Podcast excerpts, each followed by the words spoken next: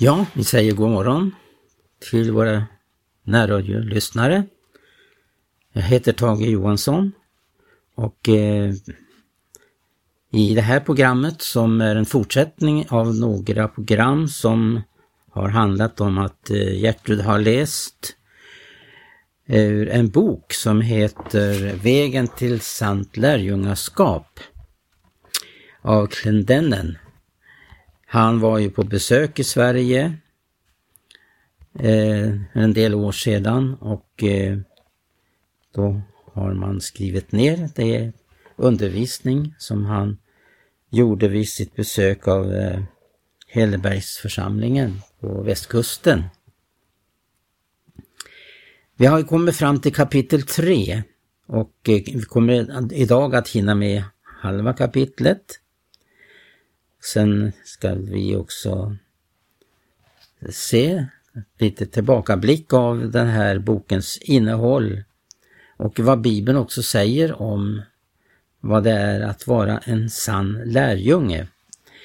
Det här är alltså kapitel 3 och det handlar om den pålitlige lärjungen och det blir Gertrud då som läser ur boken. Ja, jag fortsätter där. Jag tror att det är viktigt att återupprepa att församlingen inte är här för att få folk omvända, utan för att ge upphov till lärjungar. Detta är en stor skillnad. Man kan omvända människor till vad som helst, bara man har tillräckligt starka argument. Reklammakare har studerat det mänskliga psyket och med sin bildreklam kan de övertyga oss att köpa det vi varken vill ha eller behöver. Man säljer inte multivitaminer genom att hålla upp en flaska och säga du borde ta detta. Man får en kvinna att se ut som om hon kunde kasta en höbal 12 meter. Hon utstrålar hälsa och man säger att det beror på multivitaminer. Eftersom alla vill vara som hon så prövar de multivitaminer. Det spelar ingen roll om de inte fungerar, vi har redan spenderat våra pengar och köpt dem. Vi försöker att sälja Jesus på samma sätt. Det mänskliga psyket kan nötas ner, det vi kallar hjärntvätt. Det är inte bara kommunisterna som gör det, även religiösa människor använder sig av det. Den mänskliga hjärnan kan nötas ner så långt att när man föreslår något så accepteras det utan diskussioner. Hitler valde att tala till folket sent på kvällen. Han lät dem genomlida dagens svårigheter för att sedan, ute i det fria, genom att hålla på med sin återfödelse genom förstörelse ur min kamp, få dem att ta emot det han hade att säga. Religiösa kulter arbetar efter samma mönster. De begränsar psyket och angriper det samtidigt. Gud sade, det står skrivet, människan lever inte bara av bröd utan av varje ord som utgår från Guds mun. Vi måste lära oss att sätta fokus på hela Bibeln, inte bara på några få bibelställen. Varje ord som utgår från Guds mun. Man kan omvända människor på vilket sätt som helst genom att begränsa och stänga in deras sinnen. Det som hindrar mig att tänka är mörker. Allt som försöker begränsa mitt sinne kommer från helvetet. Gud vill att jag ska tänka. Han vill att jag ska veta. Gud vill att jag ska läsa Bibeln och veta vad han säger till mig. En lärjunge är en görare av Guds ord. Församlingens syfte är att ge upphov till människor som lär och sen praktiserar det de lärt. Lärjungen är en frukt av liv och inte av något religiöst debattsällskap. Vi har redan sett att lärjungen är osjälvisk. Det finns inga själviska kristna. Man kan finna själviska religiösa människor, men inte kristna. Kristna ger av sig själva. De är villiga att ge och ge sig själva. Ordet säger om de första lärjungarna, de älskade inte sitt liv så högt att de drog sig undan döden. De hade funnit någonting som de ansåg vara större än sig själva. Nu ska vi titta på ett annat viktigt kännetecken på en sann lärjunge och det är hans pålitlighet. Som Kristi tjänare och som förvaltare av Guds hemligheter ska man alltså betrakta oss. Av en förvaltare krävs att han visar sig pålitlig. Det finns ingen kvalitet hos en människa som är viktigare än pålitlighet. Salomo beskrev en otrogen tjänare med dessa ord. Som en ruttnande tand och en slintande fot är förtroende för en svekfull på nödens dag. Jag har aldrig haft en slintande fot, men jag har haft en trasig tand. Om en opolitlig tjänare är som en trasig tand så måste han i Guds ögon vara en sorglig syn. Gud har en hel del att säga om pålitlighet. I psalm 31 och 24 säger han Herren bevarar de trogna. I Ordspråksboken 20 och 6 Vem finner någon att lita på? I Matteus 25 och 21 frågar han om det finns en trogen och förståndig tjänare och i Matteus 25 och 21 säger han Bra, du trogne och gode tjänare. Uppenbarelseboken 2.10 säger Var trogen intill döden så skall jag ge dig livets krona. När man talar om pålitlighet talar man om sånt som kräver mod, hederlighet och disciplin. Ordet disciplin är ett irriterande ord i vår tid. Det är en ohämmad tid när ingen vill bli tillsagd vad han ska göra. Varje människa vill göra vad hon tycker är rätt i egna ögon. Jag kommer ihåg när jag såg saker komma in i församlingen genom de unga. Det var inte sånt som var uppenbart för alla, men fullt synligt för den som brydde sig. Föräldrar ser förändringar i sina barn, till exempel när en upprorisk ande visar sig. Andra människor ser det kanske inte, men föräldrar är väldigt känsliga för sådana problem därför att de bryr sig om och älskar barnet. En pastor som älskar sin församling märker när problemen börjar komma in. Om han är trofast kommer han att ta itu med dem. Det har ingen betydelse vad människor kommer att tycka. Jag startade Victory tempel för 40 år sedan. Jag var den enda pastorn där under de första 35 åren.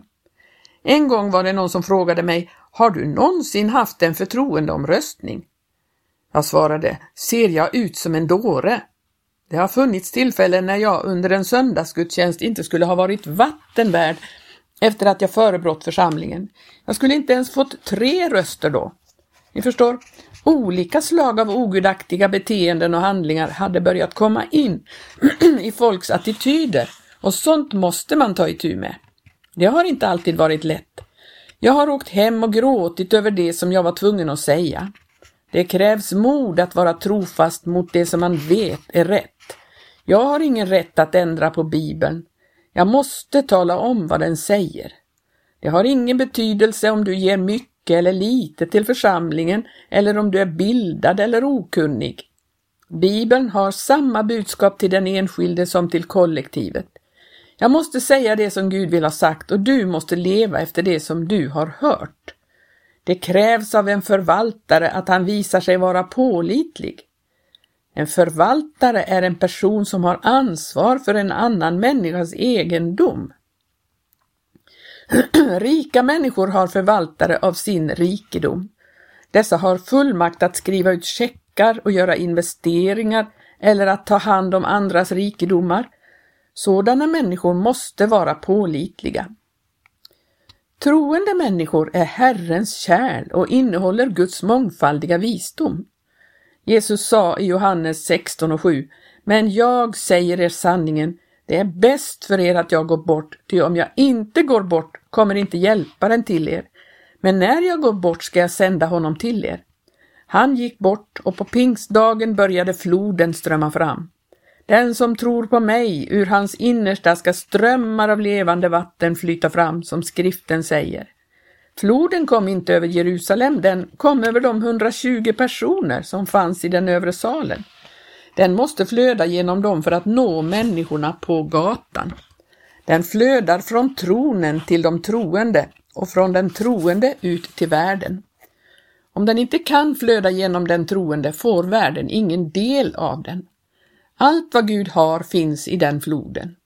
Om en troende står fast i den helige Ande finns all Guds kraft, seger och allt helande till hans förfogande.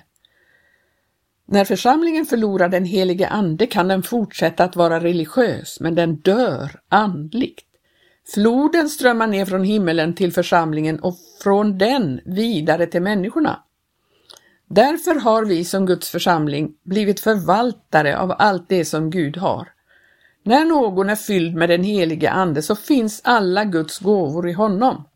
Han kan användas av honom så som den helige Ande leder. Vi är Guds förvaltare och det krävs av oss att vi ska vara pålitliga. Världens frälsning är beroende av församlingens pålitlighet. Det finns inget hopp där det inte finns något utflöde. Det är inga problem från Guds sida sett. Jesus sitter på högra sidan om Fadern och på hans befallning föll anden på pingstdagen och det flödet har aldrig upphört. Problemet är inte att anden inte kommer in, utan snarare att han sällan kommer ut. Gud sänder väckelse till församlingen och det blir ett utgjutande av den helige Ande, men den rör aldrig vid de förlorade. Strömmen från Anden sugs upp av de tomma kärlen i församlingen. Det krävs pålitlighet av en förvaltare. Den sanne lärjungen är osjälvisk och trofast mot Gud. De flesta kristna stannar aldrig upp för att begrunda vad Gud har anförtrott åt dem. Det som gör det svårt för en avfälling att komma tillbaka till Gud är att förtroendet är brutet. Gud gav sig själv till den personen. Han frälste honom och fyllde honom med den helige Ande. Avfallet innebär att han gör våld på det största förtroende som någonsin har visats en människa. Avfällingen kan komma tillbaka till Gud, men han kommer inte att känna Gud så som han gjorde när han först blev frälst. Den första gången när han blev frälst upplevde han en enorm glädje och en medvetenhet om Guds närvaro. Nu måste han leva efter och rätta sig efter det som han vet. Gud lade ner sin mångfaldiga visdom i den människan. Han gjorde honom till en förvaltare och sa, det krävs av dig att du visar dig vara pålitlig. Genom att avfalla har han smutsat ner detta förtroende. Detta kan tyckas vara starka ord, men det är passande ord i sammanhanget. Man kan inte leva sitt liv för djävulen och besmitta det som Gud har gett och samtidigt förvänta sig favörer från Gud. Gud kräver någonting av våra liv. Han vill ha trofasthet. Det världsliga systemet är fiende till Gud. Man kan inte vara vän med båda och samtidigt tro att Gud kommer att anse dig vara pålitlig. Detta är inget populärt budskap idag. Dagens budskap är inte helighet utan kulturell förfining.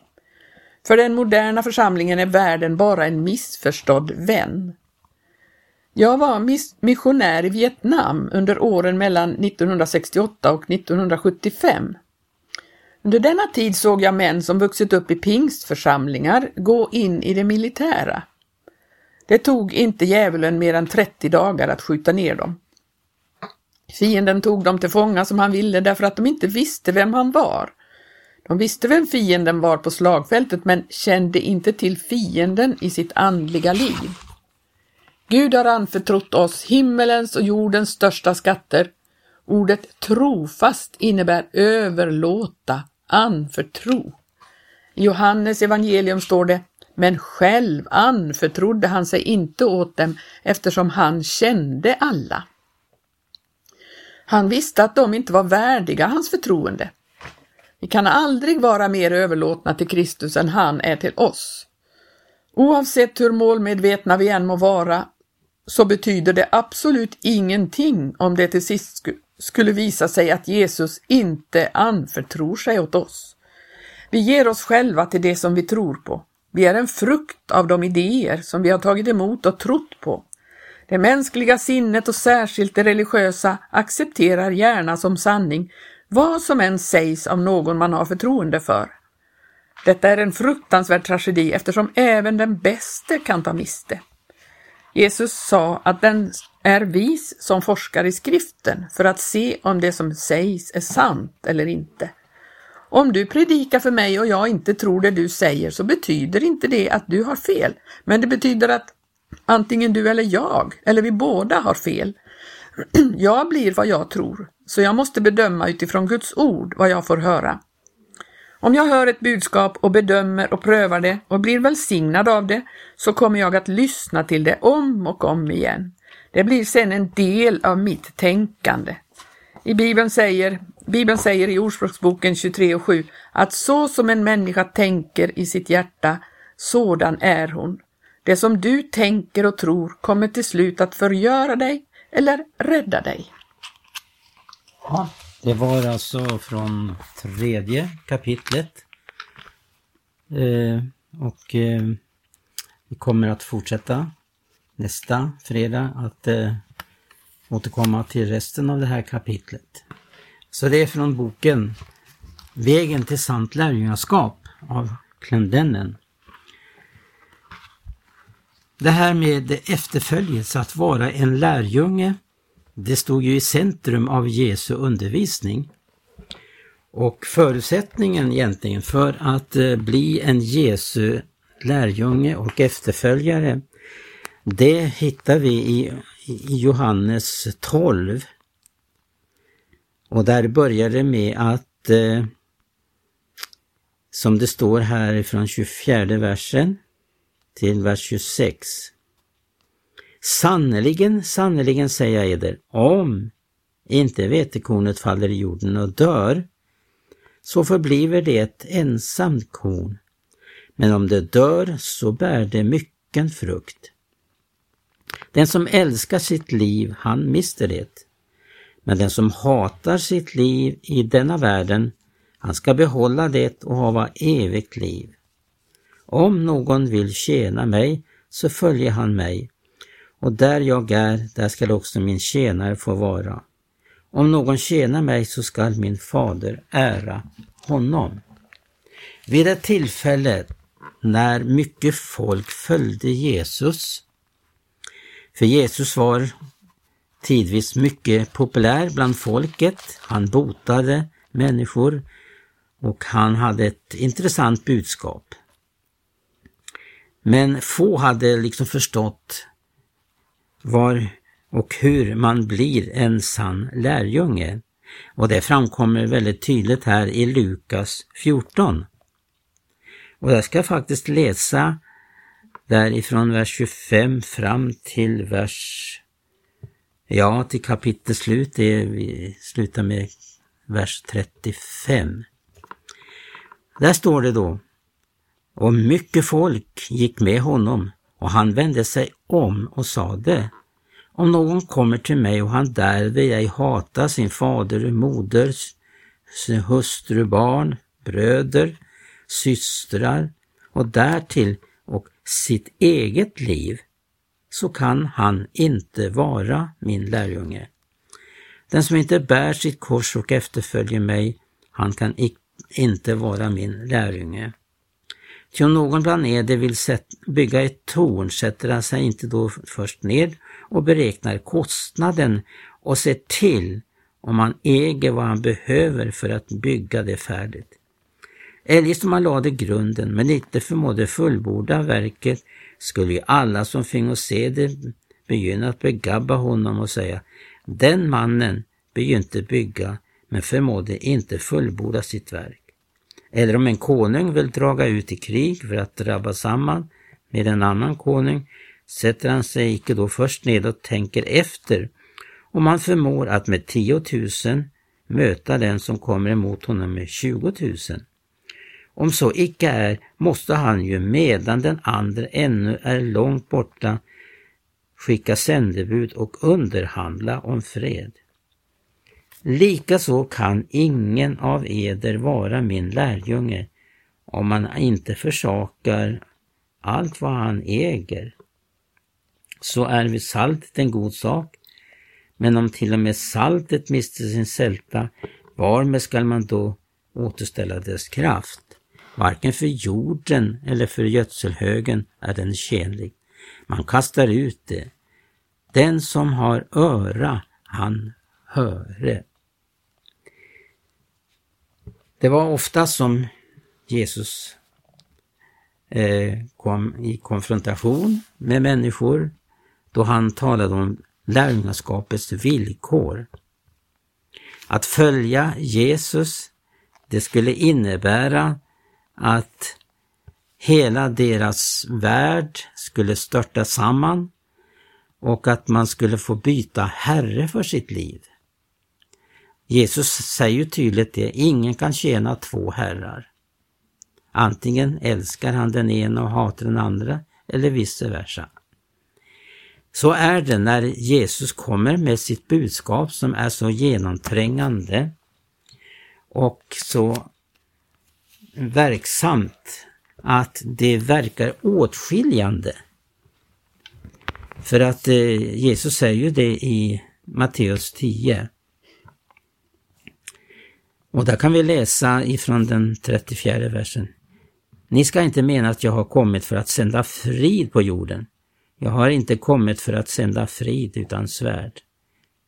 Ja, jag har kommit för att uppväcka söndring, så att sonen sätter sig upp mot sin fader, dotter sin moder, sonhustru mot sin svärmoder och en var får sitt eget hus till fiender.